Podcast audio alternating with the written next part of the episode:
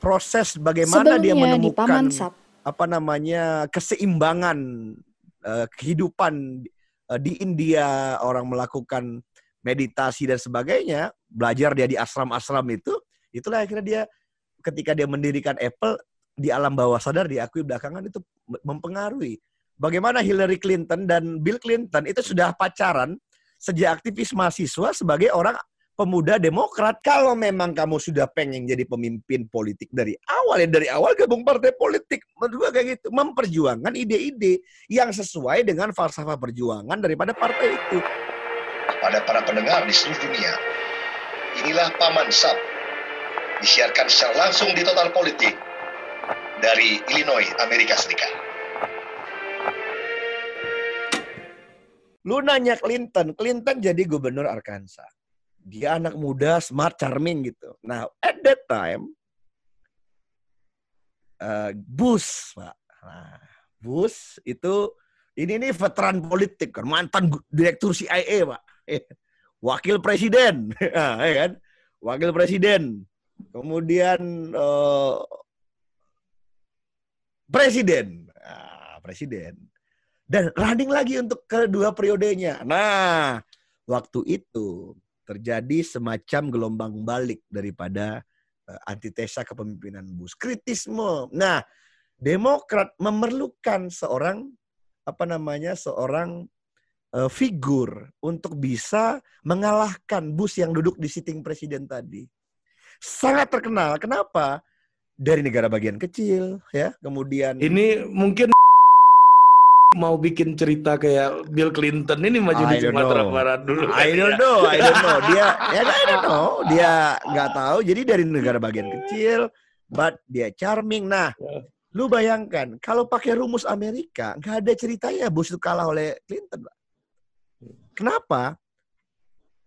Bos, veteran perang, pahlawan perang, Pak. Direktur CIA, wakil presiden, presiden sitting office. Tapi mood, nah gue selalu bilang sama lu kan, gue pernah bilang, moodnya waktu itu udah, udah terlampau lama dia di kekuasaan dan voters tuh mulai krisis. Nah, ekonomi menjadi problem. Jadi as karena latar belakangnya yang sangat pebisnis minyak, ya kan dari Texas, kemudian kerjanya perang-perang-perang aja, ekonomi keseharian masyarakat itu apa namanya menjadi eh, problematika. Nah, Bill Clinton dari negara bagian kecil itu, ini kayak Pak Jokowi dari kota kecil di Solo lah, Pak. Ya kan gitu kan? Membuat satu platform dalam konvensinya. It's economy stupid katanya Thomas. Dia terkenal, it's economy stupid katanya. Terkenal, Pak. Ya, Ke mana-mana Clinton tuh membahas ekonomi. Ini kacau nih, kita mau perang terus katanya.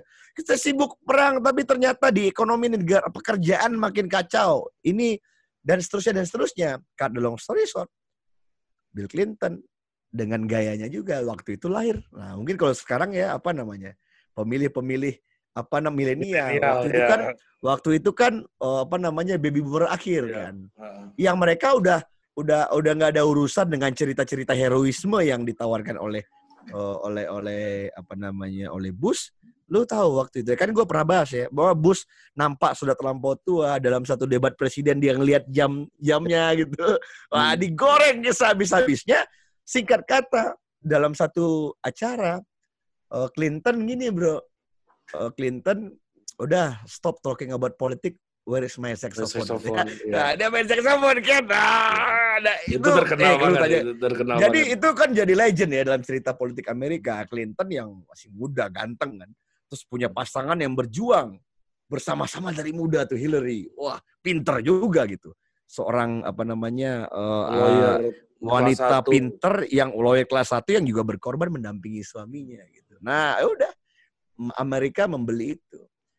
Nah, on other side di ceritanya Obama ya, ya hampir sama lah ya Mas gua.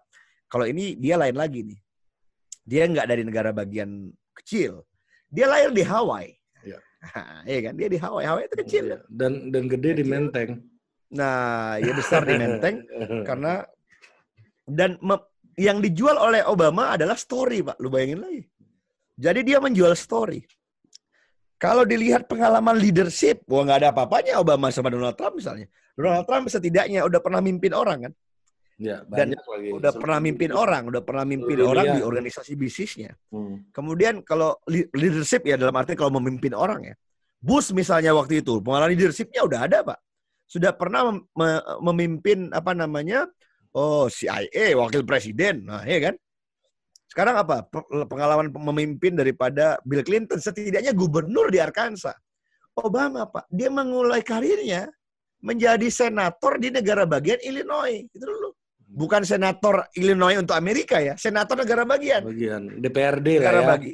Ya akhirnya DPRD anggota DPRD pak. Iya. Jadi dia DPRD. Nah, tapi yang luar biasa dari Obama, dia menjual story. Nah, story ini memang luar biasa story-nya kan. Bagaimana tuh American Dream yang ada di dirinya sebagai apa namanya orang berkulit hitam, walaupun dia sebenarnya half white. Ibunya adalah apa namanya eh, Antropo- eh, antropolog, antropolog yang ketika kuliah itu bertemu dengan seorang anak Ekonom, muda ya. dari Afrika yang Kenya. mendapatkan beasiswa dari Kenya. Mereka jatuh cinta, saling menikah, saling jatuh cinta dan menikah. Lahirlah seorang anak Barack Obama. Di tengah jalan memilih pulang kan bapaknya. Tapi ibunya nggak mau ikut ke Afrika. Mereka bercerai. Mereka bercerai. Akhirnya terus aktivis sosial, eh, antropologi, menge- men- bagaimana mengembangkan apa namanya antropologi, eh, me- menggerak empowerment masyarakat masyarakat terutama perempuan, dan sampai ke Indonesia Nikah sama menikahlah tentara. dengan eh, tentara. Eh, lahirlah adiknya yang kedua, Pak, Ibu Maya Sutoro. Nah, s- a- Obama dibawa ke Amerika di Menteng. Ke nah, tapi kan dalam perjalanan, nah kalau kita baca di buku The Dream of My Father kan seperti itu ya. Nah, akhirnya dia bagaimana dia hidup di Indonesia dengan orang kebanyakan dan dia tidak ting- Menteng dalam artian tuh bukan menteng yang tajir, Pak. Menteng Bukan- kampung men- menteng Bukan bukan mentengnya Rocky Gerung ya. bukan mentengnya Rocky Gerung, bukan mentengnya inilah, bukan menteng menteng orang kaya, bukan orang biasa. Kebanyakan di Jakarta Pusat. Nah, cut the long story short, setelah Obama besar, dia diambil oleh eh, eh, eh, apa namanya tidak jadi eh, apa tidak apa bersama neneknya di Hawaii, kakek dan nenek. Ya. Neneknya oh, dua-duanya putih, pak. Iya kan, dua-duanya white American. Nah, dibesarkan di situ, eh, bersekolah dan akhirnya apa namanya eh, Harvard Law School kan, masuk Harvard, ya American Dream masuk Harvard dan menjadi editor kulit hitam pertama di Harvard Law Review. Iya. Nah di situ mulai kak, di situ kan, eh, ini kan yang gue, lu pertanyaan pertama tadi, udah nampak dia scholar di bidang apa namanya, di bidang Hukum. hukum, menjadi edit. Dari situ dia mulai tampil ke publik. Nah dalam dia tampil ke publik dia sudah menceritakan story-nya itu. Inilah gua nih, ya kan. Kayak Bagaimana? agak-agak kayak Mas Anies sebenarnya Obama. Nah, ah, gua nggak tahu lah. Gimana lo meng, Iya. meng- di, dari Ya kan mana lo mem- di, di kampus menjual story-nya soal Indonesia mengajar. Nah, iya, gitu. Nah, gue nggak tahu, gue nggak tahu.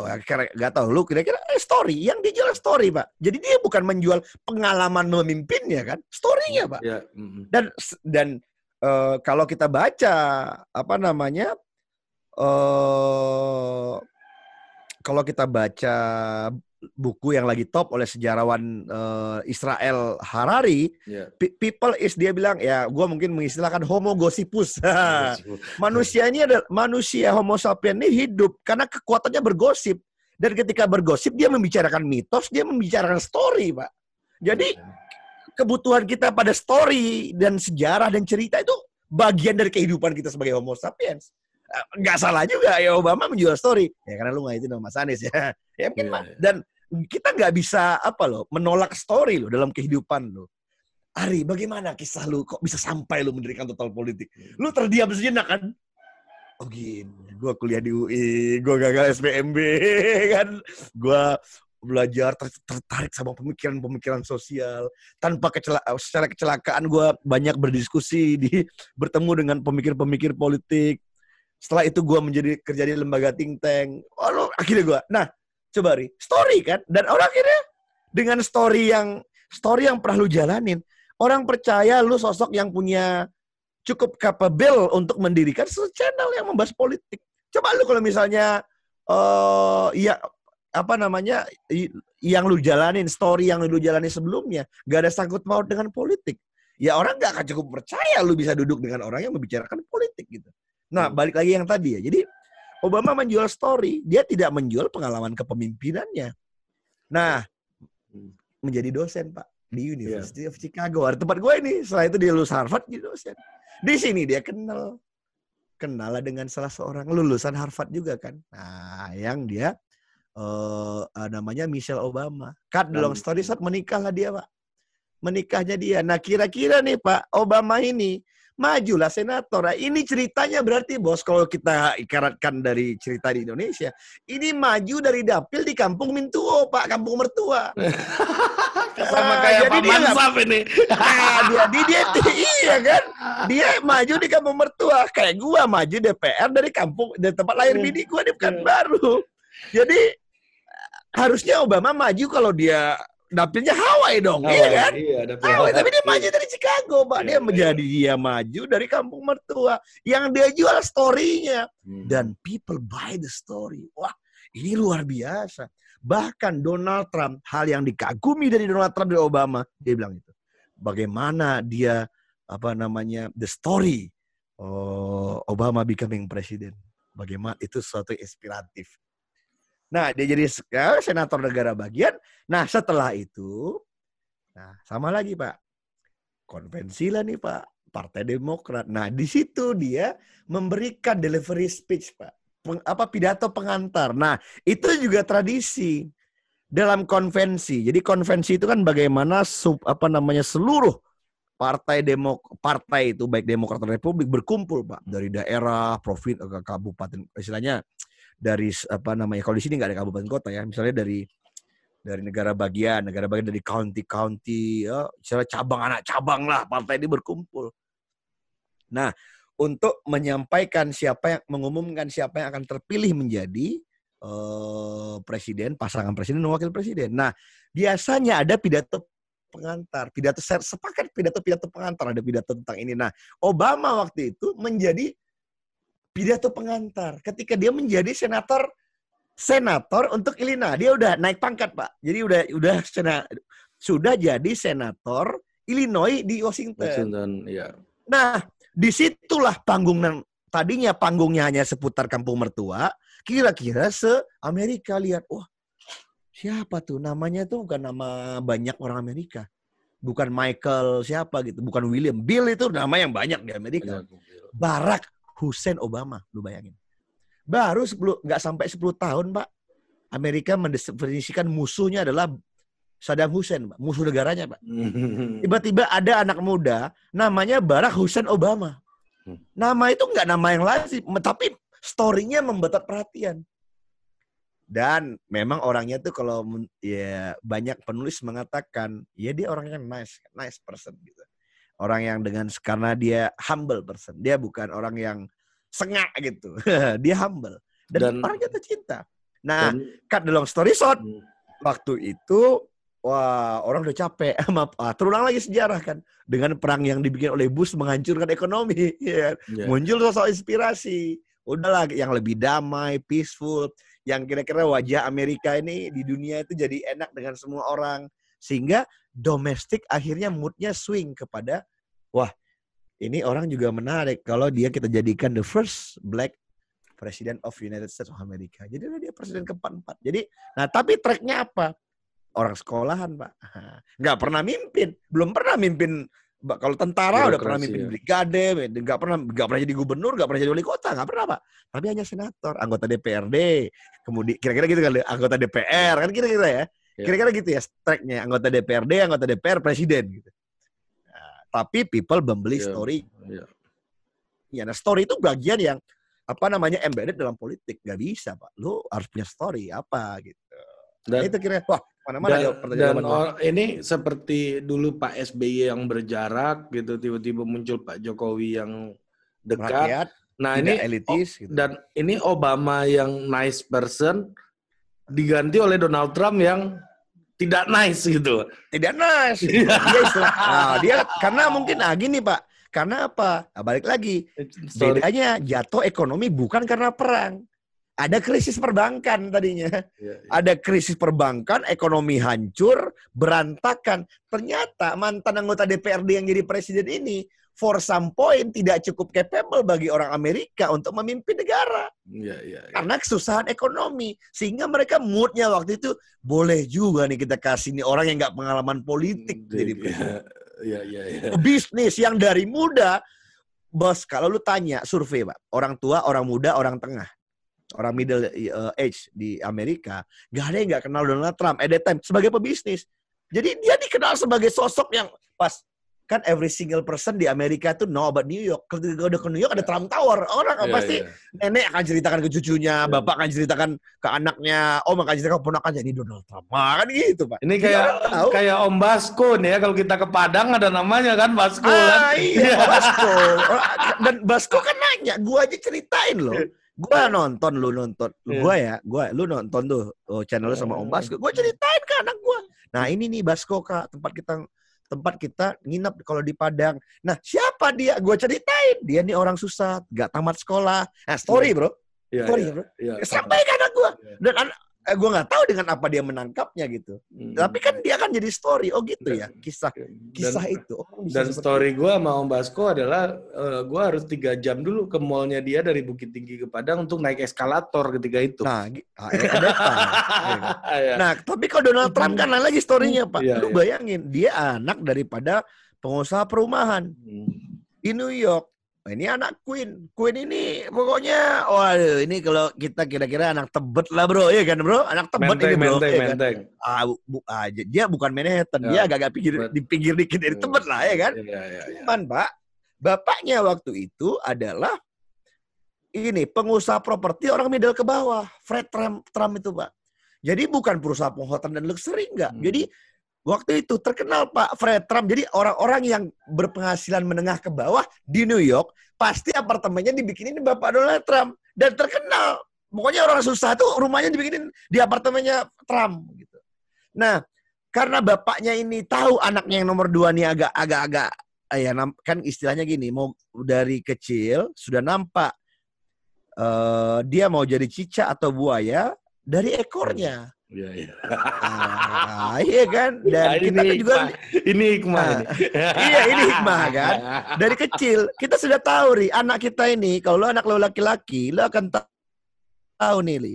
Dari aungannya lo udah tahu dia bakal jadi harimau atau kucing. Dari kecil udah kelihatan. Hmm, dari kecil Nah, yang gue bilang tadi dari ekornya udah ketahuan yeah. dia mau jadi cicak atau buaya, yeah, ya kan? Yeah, yeah, yeah, nah, udah tahu Fred Trump ini anak kalau adik lu tadi mana?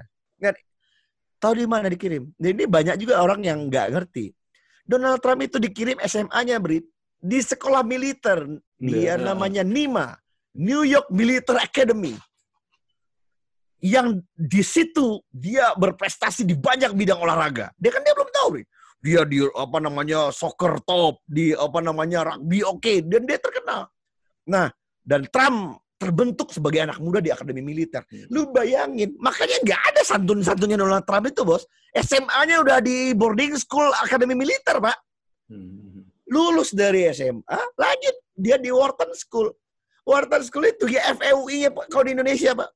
Jadi dia bukan sekolah di sekolah yang abal-abal, pak. Dia sekolah bisnis dan dia mengenal teori-teori bisnis dari pemikir-pemikir bisnis terkemuka di zamannya. Nah, di situ dia paham kan balance sheet seperti apa, bagaimana mengembangkan bisnis. Nah, terjunlah dia dalam bisnis. Nah, dia langsung main ke segmen papan atas di New York. Dia main ke segmen papan atas. Dan yang bapaknya waktu itu bilang, eh apa memang ya itu kira-kira kalau kita baca ini story bapaknya bapaknya selalu membimbing dia katanya selalu teman gini selalu ngeri dengan apa yang dimainkan Trump karena bapaknya nggak ngerti dengan permainan Trump ini hmm, yeah, yeah, yeah, yeah. karena bapaknya tuh kerjanya bikin rumah untuk kelas menengah ke bawah ya, mau buat ya kalau di kita nih developer untuk RSSS hmm. RRS RSSS hmm. kira-kira tiba-tiba lu punya anak udah lu sekolahin ke sekolah militer sekolah bisnis lulus Pah, gua mau bikin perumahan elit. ya kan, itu orang kaya. Wah, Wah, akhirnya nah, lama-lama bapaknya coba terus memahami apa yang dimainin oleh anak. Nah, story-nya ada gitu loh Mas Go. Jatuh bangun. Akhirnya oh, jatuh. Nah, maksud melejit. Dan gue baru ngerti ya, Trump membangun itu, gila. Dia akhirnya harus bernegosiasi dengan mafia-mafia di New York. Dia harus menghoir seorang siapa namanya, David Cole atau siapa gitu ya. Lupa gue. Tapi intinya adalah seorang lawyer para mafia di New York, bro yang kalau lu mau nyelesain problem di New York, lu kontak dia. Dan akhirnya semua di Trump Organization waktu itu takut. Takut janganlah pokoknya itu membahayakan. Lu bayangin Trump muda menemui sendiri orang itu dan deal. Akhirnya menerima Trump ini jadi lo kliennya. Dan nanti di bersatu dua case bangunan Trump harus negosiasi sama apa namanya pemerintah kota. Sama makanya gue bilang uh, ada oh, beberapa kontroversi ya bagaimana Trump itu meminta keringanan pajak untuk 30 tahun mendirikan Trump uh, bangunan uh, Trump di bawah Trump Organization itu Nah, di situ dia ber, bersitegang kan, bersitegang dengan wali kotanya. Dia dia mengapil di, dilarang oleh wali kota terus dia apil ke ini bos ke, ke pengadilan dan menang dia di pengadilan. Akhirnya wali kota yang nggak suka sama dia itu terpaksa bos memberikan keringanan pajak kepada Trump membangun organisasinya. Dan cerita itu semua masuk di New York Times, New York Post gitu bro.